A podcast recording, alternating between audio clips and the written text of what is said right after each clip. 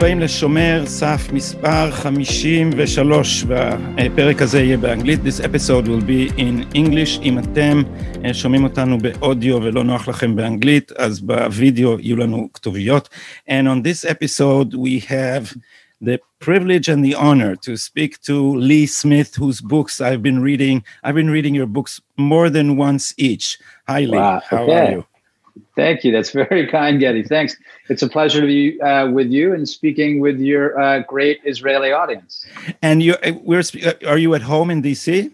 I am. I'm home in DC. We're getting ready for uh, for the election, of course, next Tuesday, less than a week away, and of course, we're also preparing for the various threats of chaos and violence that we've had that we've been getting here over the last several months. So we hope to avoid both chaos and violence and that there will be a peaceful election, and um, and that we will once again enjoy a uh, either a peaceful transition of power to the Democrats should the Joe Biden Kamala Harris ticket win, uh, or there will be, for once, Donald Trump will get to enjoy a relatively uh, peaceful term, as he did not in his first term, which is what those uh, those books that you've read are about. And I just wanted to thank you for uh, for for reading the for reading my books, and again for bringing me on today. It's a real It- it- pleasure. It, wa- you were my first guide. You, you and Andy McCarthy, Yeah. because I asked a smart American friend who is not a crazy anti-Trump. There are not many of these, and, and he told me here, here's what you should read. Read uh, Lee Smith and Andrew McCarthy, and whi- which is what I did. And that was my that was my first guide to anything because here it's a complete blackout. It's like imagine Yeah. people would only see CNN; they would know Yeah. nothing about what is what is really going on. When we spoke, I think it was some two weeks ago. Mhm. You were optimistic about Trump's chances to win. Are you still? Do you think? yeah, still I'm he- still very, I'm still, Yeah. I'm still very optimistic. I know what the polls say. However, the polls were, of course, wrong in 2016. The other way to look at it, I think, is we know that the we know that the news media is entirely compromised. You talk about CNN. The problem isn't just that CNN has um, has not reported it, just as they're not reporting all the problems with Hunter Biden. The fact is, is that CNN was in at the very earliest stages of the operation to target Donald Trump. So it's not just that they have a vested interest. It's not just that they're partisan. It's that they were part of the operation, and that's how I see it as an operation. Anyway, to come back to your question about what is likely to happen in the next week, yeah, I think it would. It's a strange idea. The idea that of all other things in the media, the one thing that's real and true are the polls. They may be true. I'm not counting on the fact they are. I tend to look at not only the enthusiasm for Donald Trump, you may see the different rallies he's held and the spontaneous parades, which are really quite, which are really quite marvelous. But the fact is, the United States here over the last, um, over the last since the end of May, so more than, I mean, we're at the point half a year, right? Has been uh, major American cities have been targeted, lots of violence, most recently in Philadelphia. Yeah. So I tend to believe that my neighbors, my fellow Americans, are especially sensitive to the fact they don't want to be voting for a ticket that applauds violence and that has um, has deployed violence at different points. Because we have to remember that Black Lives Matter and the Democratic National Committee have a financial relationship, which BLM makes quite clear on their website. So this is not something that's being made up. And, and lots of American voters know this. And again, they're very upset. We all like uh, we all like peace and stability, whether we're living in uh, whether we're in Tel Aviv or whether we're in Washington D.C. And unfortunately, here in the United States, we've not enjoyed a tremendous amount of that the last six months. When the when the riots started, my knowledge of America is acquired. It's not instinctive. I'm I'm not an American. you know an I- awful lot a- about it. Everything from not just the politics. You and I have spoken about American poetry before and American Yeah, literature. So, because it, it it's my passion. You know, Yeah. it, it was even my passion when I my first Mm. literary love was Damon Runyon. really, Huh. and and Damon Runyon to me to this day has something quintessentially American about you know the idea of the guy, the gambler, who is every morning is new. There's no past and everything else. So, but but I'm but I'm not. I can't I can't measure the. I don't have instincts like I would have in Israel. So.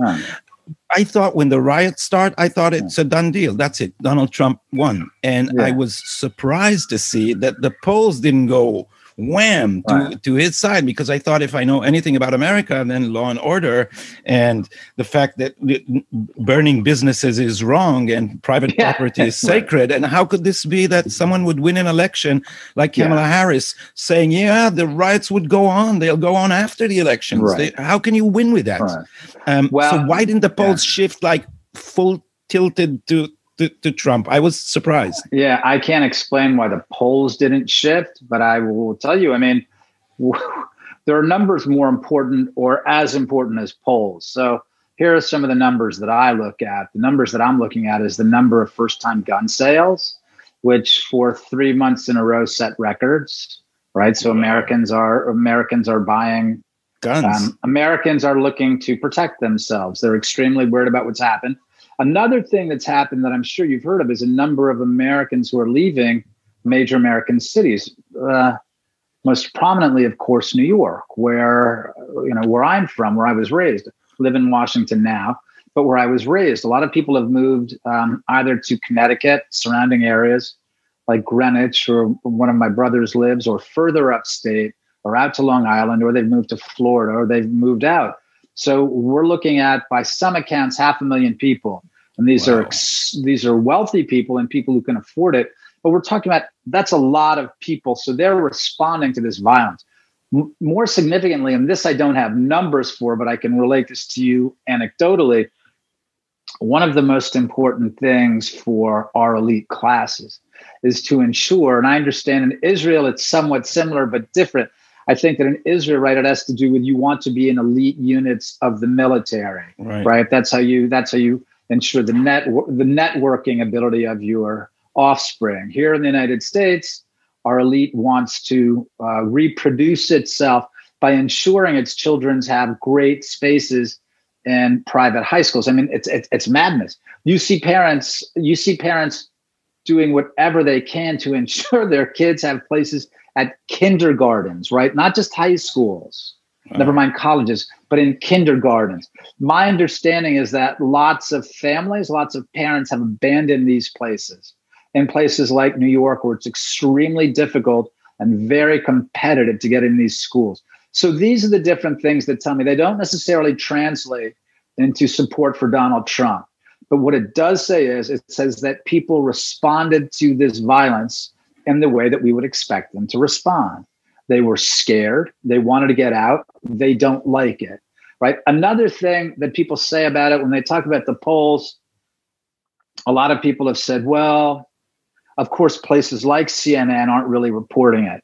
Right. I'm sure you've seen that famous segment where there's the one CNN reporter, you know, the most fiery but peaceful. yeah. Right. And, you know, there's, I mean, the, the, the, the entire, there's an entire building being burned down behind him. And that was laughable and so a lot of people have come up with the idea, which is reasonable, that CNN was blocking a lot of this coverage, that it wasn't getting through to people. And that's partly true. But let's remember, these were blue cities that were being razed and looted, right?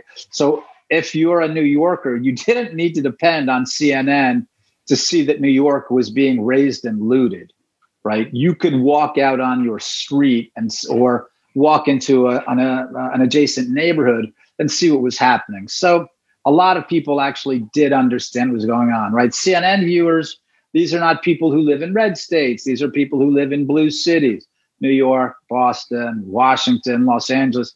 They themselves, another relative who lives in Los Angeles was telling me, uh, as the violence started to pick up, they left Los Angeles. They went to a place that they felt was going to be safer for for their family. A lot of people did this. A lot of people saw precisely what happened. So again, this doesn't precisely translate into Trump votes, but it says one thing. It's it says that American, uh, the American electorate is rational. They see what's going on, and they're not repressing this. They actually understand what's going on. So that's my take right now.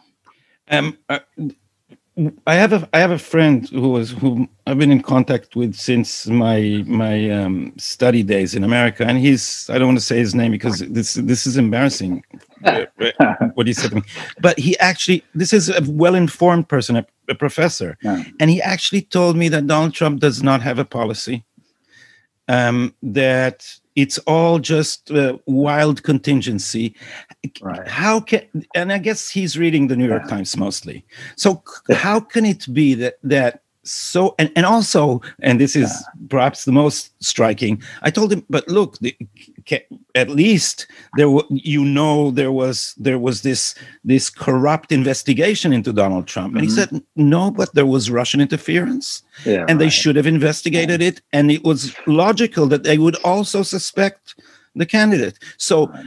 is there is there a, like is half the population like not know what is really going on what you reported in your book yeah well my I, I, I I'm at a I'm at a bit of an advantage because having grown up in New York, I've had Donald Trump's voice ringing in my ears for four decades. So Donald Trump You're is fired. things. Yeah, yeah. That's part of it, right? For many years, right? Donald Trump has been a celebrity, a real estate developer, a, a playboy, right? All of these different things. The idea that somehow he had this secret life as a Russian asset that started when he was at the head of uh, Celebrity Apprentice was just on its face preposterous, right? And my yeah. opinion of journalism is it's it's a profession that I still like very much. But what what's the profession about? We're not intellectuals. We're not brilliant people. We're not, we don't really play this profound role in government that many people say. We're not here to speak truth to power. We're not here to hold government officials accountable. We're here to do one thing, from my perspective. We are here to represent the common sense of the American people. And when something sounds stupid, say, that sounds stupid. I don't believe it. Prove it. They never proved it, right? There was never a case. I had many other reasons as well. Look, because when there used to be the, there there used to be a newspaper here in our country called the New York Times, which is one of the most prestigious press organizations in the world. And when it was, it had a real reporting team. Also in New York, we have the New York City Police Department, which aside from now their their persecution of Orthodox Jews at the behest of Bill de Blasio, which is a, a, a very sad development for the New York Police Department which I still regard as the world's greatest police department, as well as the FBI's New York field office. Donald Trump in New York was involved for nearly half a century in the two most mobbed up businesses in America casinos, one, and the other was real estate, where you have to deal with construction people and everything like that. And the unions. The, uh, exactly. These are these are industries that are heavily mobbed up. The fbi you can guarantee it. The real fbi the people who actually do the work as well as the new york police department had been watching donald trump's business and everyone he was dealing with for a long time right? They had nothing. They had to come up with this nonsense about the about russia collusion right? If there was something really wrong with donald trump right? You would know where to look. It's like, well, what's the what kind of a deal is he getting on cement, right? What's going on at, on at, these casinos? But that tells you and how long they've been looking at Donald Trump. Bizarrely, this is something that no one ever would have expected. He's the perhaps the cleanest president in American history. Donald Trump, he never brags about this. He says, I'm the I I've probably done more for the black community since Abraham Lincoln. He brags about that. What he never says is, I'm probably the most honest, or maybe not most, but the cleanest president in American history since George Washington. But look at what happened. They spied on his campaign, they spied on the presidency. And you can bet, had they found one thing, they would have thrown him in jail. They have nothing on him. So, anyway, that's my Russia collusion thing. But you're talking about Trump's policy, which is actually a part of this because Donald Trump ran on the idea that there is a swamp, there is a deep state, there's an establishment inside the Beltway that includes Uh, that includes the press, that includes uh, the intelligence bureaucracies, it includes political operatives on both sides of the aisle, Democrats and Republicans. And he ran against that, saying there's a swamp and they're really bad, and I'm going to go in and drain the swamp. Well, as it turns out, he didn't understand how bad the swamp really was. And that's kind of what these operations against Donald Trump, that's what I call these phony investigations, operations. That's what it's been about. These people fighting back against Donald Trump. So that helps uh, set up how to answer about Donald Trump's policy, right? Many of the policymakers inside of Washington are part of this swamp. They have a standard way of doing things, a certain way of understanding the world. And we can, if it's not too, since, since we're talking about all sorts of controversial issues, not least of which is the American president right now, we can talk about the idea of Arab Israeli peace. All right. So we've had we have an establishment here in Washington since at least Oslo, but going back even before. They've had very specific ideas of what Arab Israeli peace should look like. Donald Trump came and said, at first, he he was interested in that idea. Okay, yeah, Palestinian Israel, that's that's the deal of all deals. I want to make that. I want to be a part of it. We all said when that happened, we said, "Oh no, not again! Not another right. American president who thinks he can right. solve this." Exactly, a big concern. And this guy comes in saying, "A deal? Oh, great! Right? Fantastic! Even more disastrous." But as it turns out, by not listening to the establishment, Donald Trump managed to work out something else instead. So when people say that Donald Trump does not have a policy, what they mean is, is that Donald Trump does not uh, follow or he is not beholden to the institutional structures inside the Beltway that uh, prohibit certain actions while encouraging and urging others. So, no, Donald Trump, of course, has a policy, and there are many, many different policies about many different things. His priorities in terms of trade and foreign policy are both about China right? He had a policy to get out of the Iran deal. Uh, he had a policy to knock the regime into penury, and this is what's happened. So, no, the idea that Donald Trump is just flying on the seat of his pants is nonsense. And the thing, the way that I like to describe his Twitter feed is to say, I'm one of the few people you may speak with who thinks that the president needs to tweet more. Uh, not only because I think a lot of the times it's very it's it's very funny and entertaining, but the what I don't what I call now the nationalist the nationalist movement in the United States, meaning people who are proud to be Americans, people who don't people who don't think that we should be a borderless country. Basically, the American how can I put this? The American the American equipment uh, equivalent of Zionists, saying we love our country we like our country the way it is. We don't want to erase our distinct identity. We think it's important. So, for that nationalist movement, our media is extremely limited. We have parts of Fox News, we have some very excellent websites, a uh, couple of newspapers, but Donald Trump is really the aircraft carrier. Donald Trump's Twitter feed is how a lot of information is provided. So even that, I think, is how people need to understand the president's Twitter feed. He's not just throwing stuff off the top of his head, not all the time, maybe some of the time. But no, I think he's, I think in many ways, he's extremely studied character.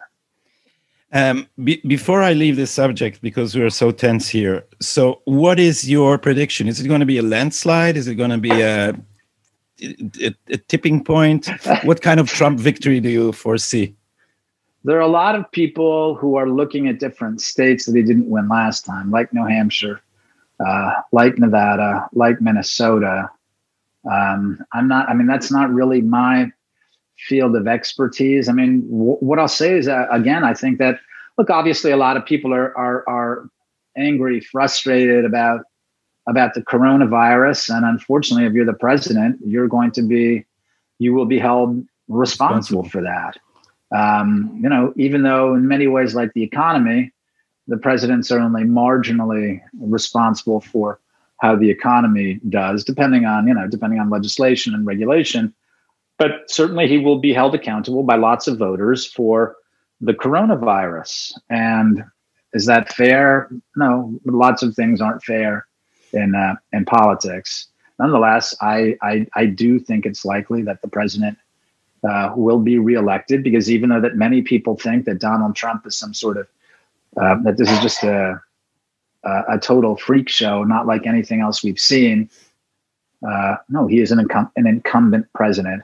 And if you saw uh, again other numbers that had nothing to do with polling, but or you know state by state presidential election polling, 56% of the American public think they're better off now than they were four years ago. And this I saw that. That's Gallup, right? Yeah, I mean that's astonishing. right? It is astonishing. So let's uh, let's watch the trailer of your film together, and then oh, we can okay. talk about the plot against All the president. Let's see right. if I can. Let's see if I can run it successfully on this machine. Here we go. On the Russiagate hoax, it's all documented.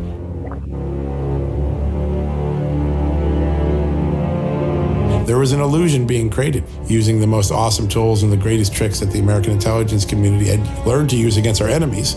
Now it was being deployed against the American people and our president. This is the biggest political scandal in modern history, which makes Watergate look like a, a tiff. The FBI director has no credibility. The left used to not trust the FBI, and now they love them.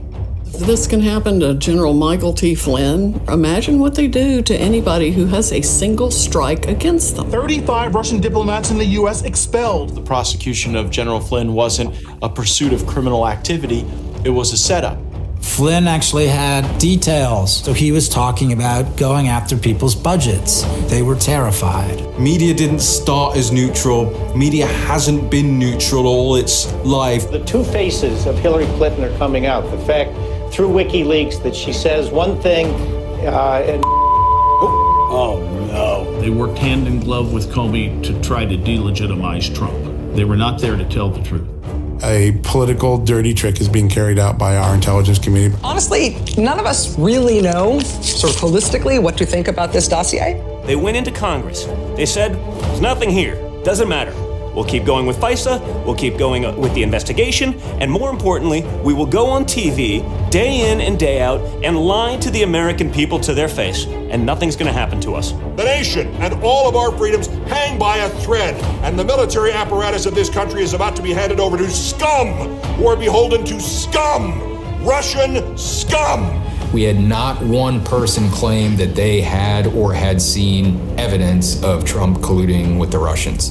Devin Nunes was the hero in the forest. He was alone, he was mocked, he was attacked. Devin Nunes was subject to such scorn for saying the conclusions that we brought forth in that report, which all proved to be true. Russiagate was a false story. To target their political opposition. And to carry out their insurance policies. I believe that this is a conspiracy. These guys have perpetrated the greatest crime against the American people ever seen. It was a coup d'etat. This is how sick and twisted these people are. I recently confirmed that on numerous occasions, the intelligence community incidentally collected information about U.S citizens involved in the Trump transition.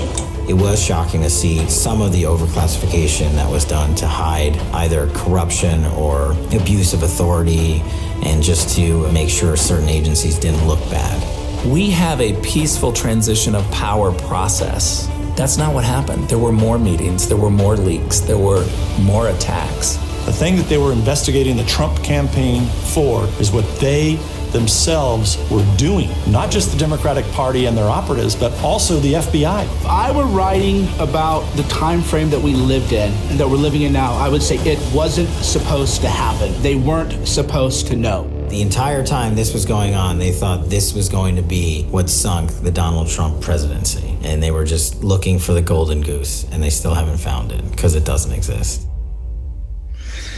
Wow. Uh, so it looks like a, a thriller, and the book read like a thriller. I stayed up with your book uh, uh a whole night because I was because because of the excitement. Um, but but people here would not know who Devin Nunes is. So the, the you're, you have two books about about about this permanent coup, as you called it, yeah. in the second in the in the second book. But your first book focuses your hero wow. is is Devin yeah. Nunes. So maybe if you can tell Israeli Israeli sure. listeners the, the story of Devin Nunes uh, here. I, I, I I should just say I saw on your your Twitter feed you said something nice. I, I think it was about the movie, and uh, and I translated it did Google translate in Hebrew, but someone wrote on your Twitter feed, someone said, We're going through a lot of the same stuff here. So who is the Israeli Devin Nunes? and um, I hope I hope uh, Israel, a, a, place I love, many friends there. Israel definitely merits and and and, and deserves a Devin Nunes. Uh, but, but what, you, yeah, but it, the, the thing in what we envy in America is that Devin yeah. Nunes has authority. Our parliament yeah. is just a, a, a rag at the feet right. of the judiciary, and the, and what is your FBI yeah. and and and Attorney General is linked to the court. It's the same milieu, so we have no right. recourse. We envy. Maybe it comes from maybe it comes from another place, but it's very important. That Congressman Nunes he was chairman of the House Intelligence Committee, and they're supposed to do oversight. And uh, Congressman Nunes is a very, you know, as, as they describe them here in the United States, very moderate Republican. And those are the kind of people who wind up on that intelligence committee because they don't want people going out there and shooting off their mouths. They're handling classified intelligence all the time. They're responsible for oversight of all of our uh, of all of our spy agencies, right? CIA, DNI, NSA. Um, but the congressman started to see evidence and um, in the late winter and early spring of 2017 of spying on the Trump campaign. you know, he's as a Republican, he supported the Trump campaign, supported the president. He was part of the transition team. But the way that he's put it is, it doesn't have, it didn't really ever have to do with Donald Trump. It had to do with the fact that they were using government resources, the Obama administration spy chiefs, and spy agencies were using government resources to spy on a presidential campaign. Um, one of the reasons that many Israelis will not have heard of this uh, or will just simply understand it in terms of, oh, but that's the, but they were doing the right thing. They were looking at Russia collusion. Right. Again, it's the way the press is, it's the way the press is has participated. The terrifying thing that's happened here is the terrifying thing is you've heard the president President Trump called Comey and McCabe and all these other figures, former FBI senior officials, called them dirty cops. And dirty cops are around the world, right? We have, you know, you grow up in New York and there's, I'm sure you've seen Serpico. You're a film person. You must have seen Serpico, yeah. right? One of the great, I mean, that's the, that's the dirty cop movie right there. It's fantastic.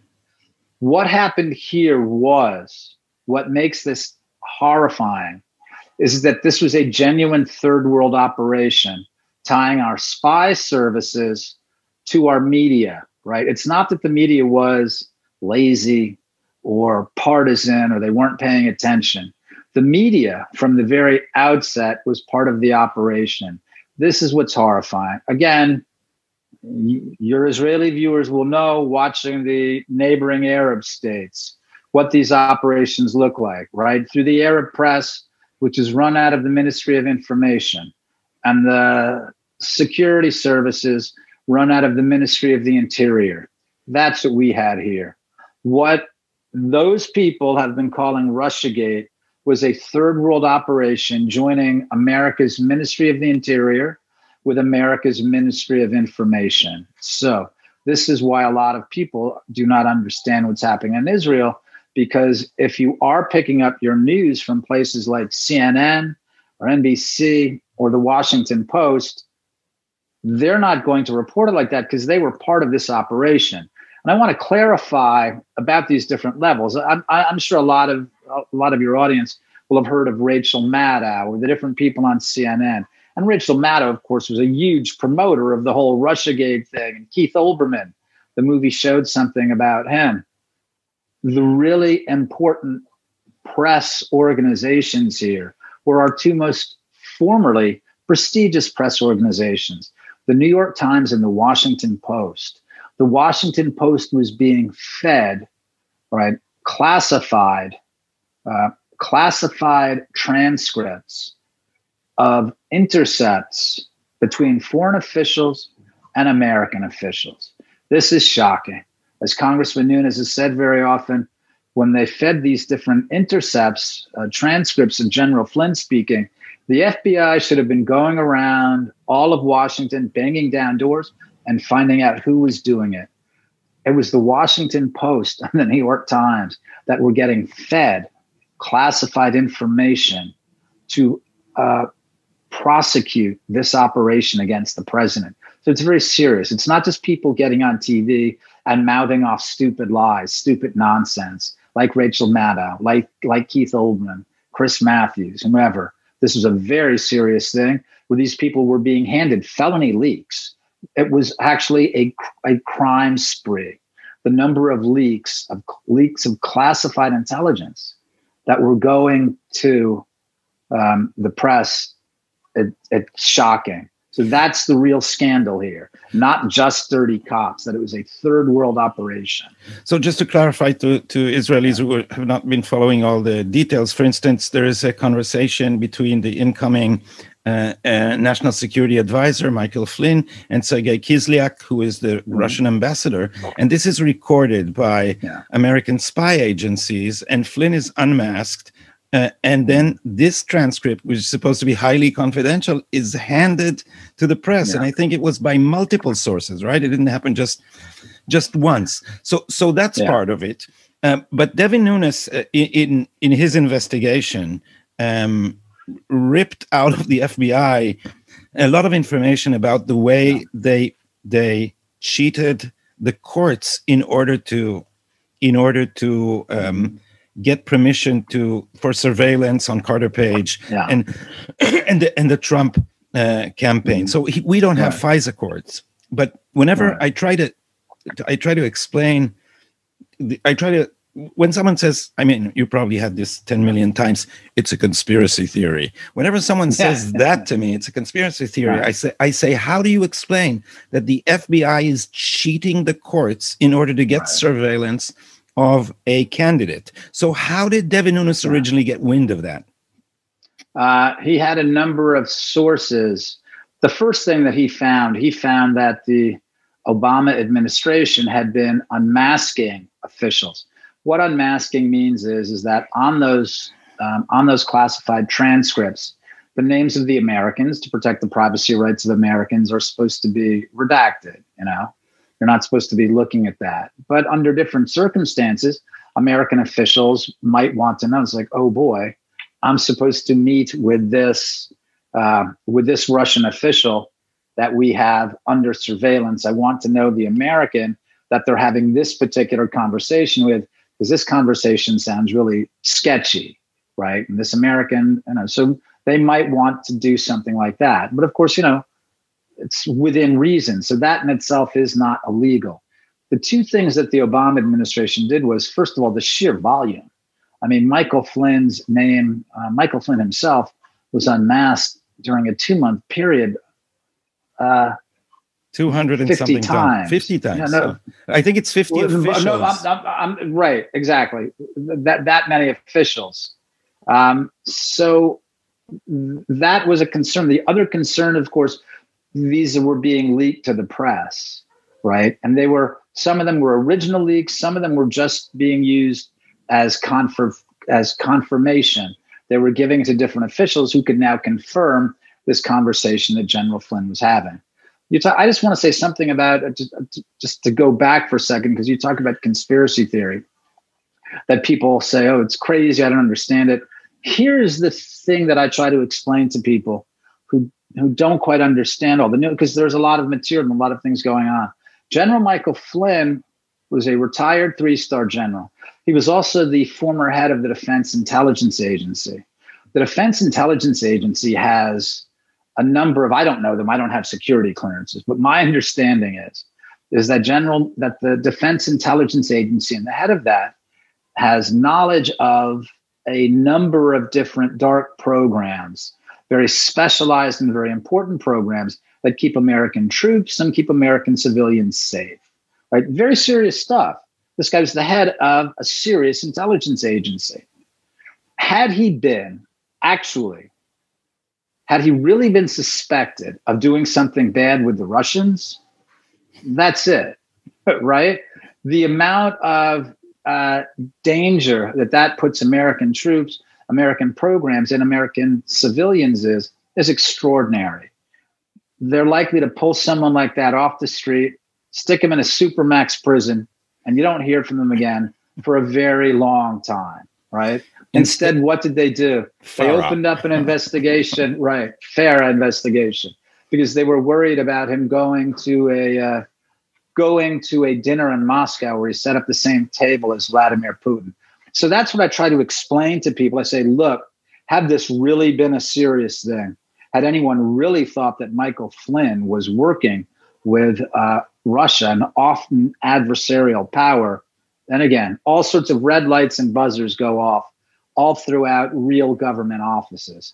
They don't go through this fake investigation, which is what they did. So that I think is an important way to, to, to show people what was really happening here. I mean, you know, is, Israel knows what this is like. If there is someone who is really risking important, vital secrets, secrets that are vital to the security uh, and survival of Israel, those people are treated in a very serious manner. It would be the same thing here, but none of those things happened. They were targeting a presidential campaign in order to spy on it. Why? Because apparently this is how the Obama administration worked. They did this during the Iran deal as well. They had American officials under surveillance when they were trying to sell the Iran deal. It was, it's very unpleasant to look back on it. Uh, I will be honest and say I was never a big fan of President Barack Obama. Nonetheless, it's dispiriting for all Americans, no matter how much you might not like him, to see an American president who nurtured a culture of surveillance and espionage. And that's what we have, and that's what we've seen here. So, how come the, the investigation into the unmasking ended up with nothing just recently? I'm not sure we know that that's the case yet. Um, we know that that prosecutor left, um, but I'm not sure that that investigation is finished again, it's very important to remember where we're, we're getting these reports from, right? I mean, the places like the New York Times and the Washington Post are going to shape all of this reporting to their advantage. And there will be many people in your audience who worked in the army or somewhere else, and they had to study Arabic and they had to read Arabic to understand what the Arabic press is like and the information it's really putting through. It's not like a regular newspaper. You're reading about regime movements. You're reading about inter regime fights. You're reading about the information they want to put through. That's what our press has become. So the New York Times and the Washington Post, when they're reporting on this stuff, that's what it's like. So I'm not sure that the I'm not sure that that investigation is actually over. It may be, but remember, there are very important things that are at stake in that investigation, including not the unmasking itself, but the leaks, the leaks of classified intelligence that went to the press, the names that went to the press, and it still appears to be going on. So we'll see if that we'll see if that develops over time. And how about the, the Hunter Biden scandal? Because we've seen an attempt by the the giants of uh, social media trying to just shut it down. We've seen. Yeah the first spin was it's Russian disinformation. Of surprisingly, course. guess hey, guess what? Yeah, but, but but now I saw the New York Times has retreated to some kind of spin. Well, yeah, there was business, but it wasn't tied right. to Joe Biden, and and and and besides, right. Donald Trump also has a Uh, business account in China. What the hell is right. that? What, what kind of argument is that? But they're, but, but, is it? Are they going to really muffle any influence, or is this getting under the radar? I'll tell you why. Because I got yeah. optimistic a day ago. I, there's a, mm. a, a great correspondent, Tal Heinrich. We we have an Israeli girl, gal in in in Washington, in New York now, covering all this, and and she sent me things she got in WhatsApp. So I'm saying, yeah. is this getting circulating yeah. under the radar, or is half America again going to be totally blind to, to this to the immensity of this thing? Someone, um, excuse me, someone told me today that uh,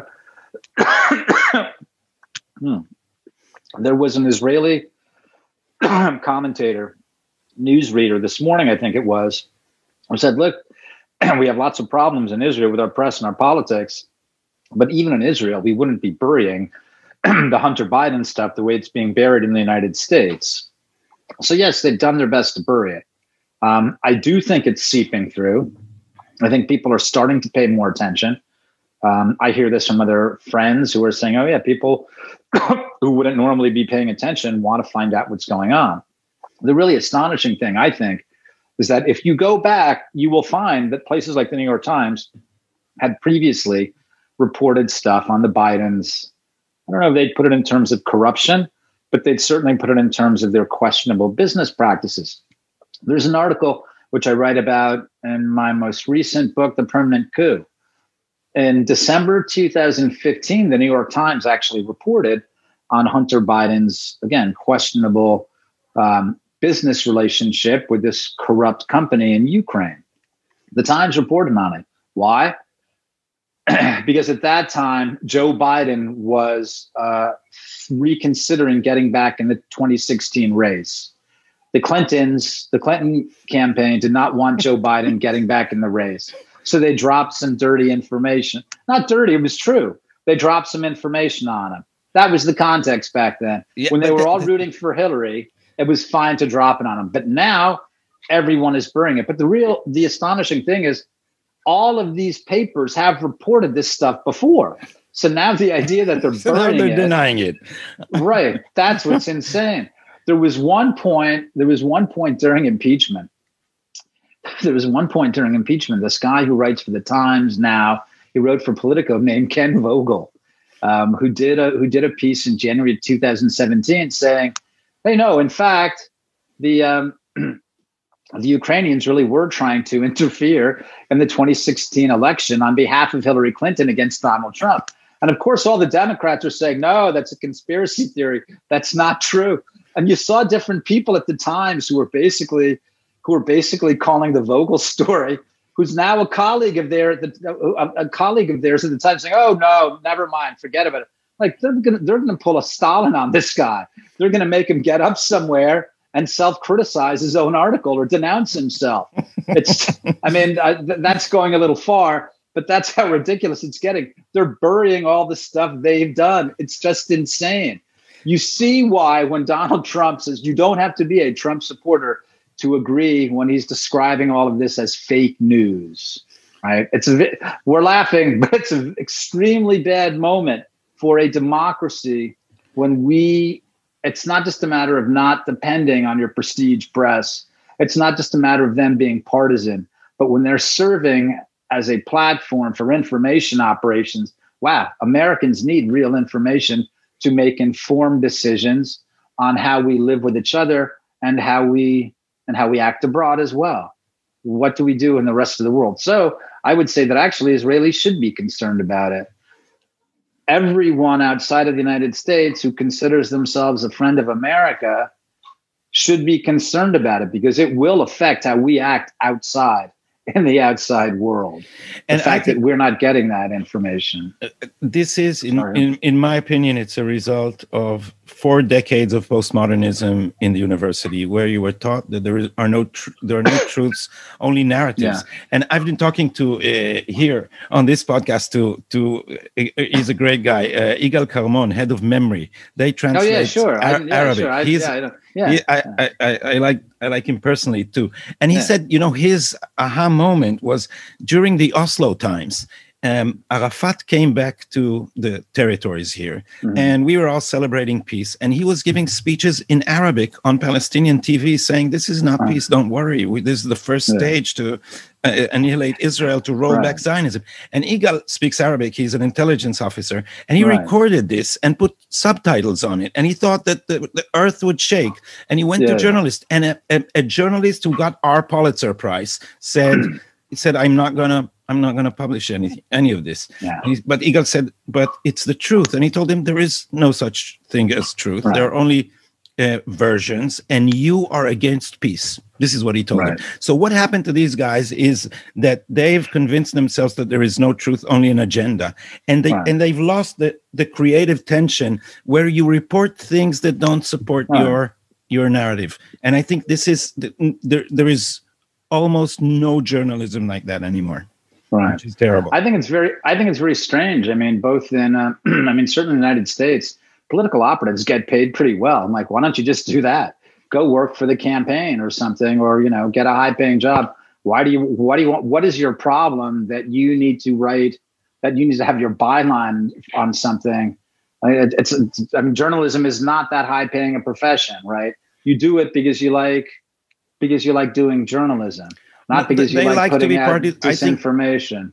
I don't think so. I think what they are doing, they think that Donald Trump is a disaster. They have tho- this Right. woke attitude, and it's all in the service of that. It's it- it's even it's it's not even self-serving. They are in, in their own minds. They're they're Hmm. fighting for some kind of justice. Lee, before we go, um, y- when you made that prediction a few weeks ago, you said Donald Trump is going to win the elections, but there's, it's going to be terrible after that. And just to finish with the, with your permanent coup, there, what is depressing about your second book Hmm. is that you know, reading your first book, I think when they nail Brennan and Yeah. Comey, this will be over. But your second Yeah. book gives a feeling that that that that, that America is fraying at the seams somehow. So, what do you? Th- how would this? What is your prediction for after the elections, or your? It's very it's very disappointing that there weren't uh, that John Durham, who's investigating the main piece of this investigation about the uh, FBI's investigation of the Trump campaign. The most disconcerting thing, of course, is that because no one has paid a price for what happened in 2016, we're concerned now going into 2020 what people might feel. Uh, they might feel unhindered, right? Well, they, Comey and Brennan, McCabe, none of these guys paid a price for what happened four years ago. So now we just got a free shot. That's a big concern. And we've seen different people, former Pentagon officials like former Defense Secretary James Mattis, who actually has served to destabilize the US government. These people think it's just about Donald Trump, but it's about destabilizing the US government, about destab- about making American cities unsafe, making Americans unsafe, their lives, their homes, their property. So that's my big concern. That's you my you mean by concern. saying by saying to Trump, you can't trust the military to to. Well, what he said, he said as the riots began at the end of May, he was basic. He was threatening the uh, chairman of the Joint Chiefs of Staff, General Mark Milley, as well as the Defense Secretary Mark Esper, telling them they needed to walk back their support for what Trump was doing, because Trump was talking at a certain point about federalizing National Guardsmen and sending them out there to protect different cities where the police were just letting things burn to the ground because of their Democratic uh, mayors and governors who were letting these cities be torched. And Mattis wrote something for the Atlantic magazine saying, "Oh, this is crazy. Trump is just letting these." He's, he wants to attack these peaceful protesters. And Milley and Esper better understand. He didn't use them by name, but he referred to things they'd said. They better know what side they're on. Like this man has destabilized the US government. He knows very well why Trump wants to send troops out there to protect American lives and American property, right? He's not he's not a tyrant. He wants to send people out there to protect them. And the fact that Mattis is saying is lying. He was lying what he was saying, right? This serves to destabilize, to have the defense, the the Secretary of Defense and the uh, and the chairman of the Joint Chiefs put distance between themselves and the president. It's extremely dangerous, right? We're talking about what's happening domestically. What might happen in terms of foreign adversaries is also extremely dangerous. And I, I just want to say something about what you said about like, right, why they think Trump is a disaster. It's fascinating. If you look at what, if you really boil it down to what people's complaints are, it, it, it, it- it's amazing, right? Donald Trump, why is Donald Trump a racist? Because Donald Trump says he wants to close the borders, right? He doesn't want to forbid all immigration. He wants to stop illegal immigration, right? First of all, because it's illegal. Second of all, he wants to be able to protect the jobs of Americans. That's what's racist, protecting the jobs of Americans. The American president who's elected to protect Americans, um, help further their dreams for prosperity, property, but to want to protect those Americans, he's a racist. So when you look at what the actual complaints that people make about Donald Trump, they're just nuts. I mean, we could take them apart one by one. The whole thing about how he said there were good people at Charlottesville and he's depend- Yeah. defending white supremacists. I mean, people can go look for themselves on YouTube and find the actual story of what happened. We don't need to rehash that. But if you look at this madness, these people attacking Trump for absolutely nutty reasons, that's what's so, and that's one of the things that's so upsetting. It's very difficult to have reasoned conversations. So, what I'm looking at is I'm looking at four more years of, I hope not hot conflict, but we're looking at four more years of a very contentious political atmosphere. And I think that's probably going to be like that for many years to come. But also, the hopeful thing is really, there's a lot of Donald Trump supporters who just, it's not so much they love him, right? Though they do, but it's also the, the, the hope that he brings them, the feeling of unity that that they feel he brings them and also he's taking on a lot of dragons he's going after a lot of stuff that frustrates them or gets them angry. And you look what's happening here in washington. Why our elite why the beltway establishment has so much contempt for americans across the country and they feel finally that here's a guy donald trump who stands up for them. It's really it's really moving. It's really impressive. I will say one more thing which which if you don't mind, which comes back to the, you know, which comes sure. back to the the art and literature of America, the history of America that we've spoken about. I really hope that your your view your your viewers will take some time to see some of uh, the president's uh, rallies over the next few days. I was watching, I guess it was over the weekend. He's having three or four rallies a day, so there's this tremendous energy and charisma. But there's something else too. You're watching and you realize this actually is a once in a lifetime thing. It's not just his energy, but it's part politics, it's part performance, but it's also the way he speaks to people, the way he can hold an audience. It's it's part of the American story now, right? In terms of like our great American writers, the stuff they write about, the stuff they're interested in. They're interested in Americans. Where's our country going? And that's why we shouldn't be embarrassed about nationalism. It comes from our writers. You and I have spoken about this before. Whitman, Melville, Emerson, all these people figuring out what it means to be American. These rallies, it's another significant chapter. You just see what he does. He goes off script. He'll come back. He'll say, here's what Joe Biden did. But he'll just go off and he'll start spinning out a story. And he's just an incredible storyteller. So I really hope your uh, your audience will just spend some time and get a sense of why get a sense of why people love Donald Trump and also maybe get a more direct sense instead of taking it through CNN or the New York Times why people hate Donald Trump and why people may fear him. I think there's no reason to fear him. I think at the very least people should uh, be interested but yeah, so I hope I, I hope they'll do that as well as I should one more thing. I'm sorry to keep sure, I'm sorry sure. to keep going on. So that movie that you showed a clip for, I'm very grateful for you showing a clip. That was directed and produced by Amanda Milius. Amanda is a friend, and they optioned that book in July of 2019. I couldn't be more honored uh, or happier that they were interested in the book to begin with the fact that it's such an extraordinary movie. I mean, right now it's leading documentaries on Amazon. It's at the top. It's number one. Wow. She is the daughter of a very famous American screenwriter and director himself, John Milius, who wrote Apocalypse Now, directed uh, Red Dawn most famously. And Amanda is a genius. So I hope, I hope your viewers will get a chance to check out the film, which is which is it's really wonderful. And she cuts to the heart of it. And um, yeah, so I, I can't thank I can't thank her enough, and I, I, can't thank you enough either for bringing me on today and let and let me uh, let me go on at length. So about, one word about, about your experience with the film, because I, I saw yeah. some tweet you tweet yeah. that you said something about you were in you were involved in in the in writing the oh, script. I, I no, I didn't really do anything. They they they they, they, they they interviewed me, uh, you know, but other people were much more interesting. Mike Cernovich is is great there. Michael Anton is great there. They're much more interesting than me. Devin Nunes is great. Kash Patel, who was Congressman Nunes's lead investigator, interviewed Kash. And Kash is great. He's uh he's one of a kind. Both him and Congressman Nunes. These are very uh, he's a great supporter, su- supporting character for your book. Like we, we oh, he's fantastic. yeah. He's a he's a, a, great person too, great American.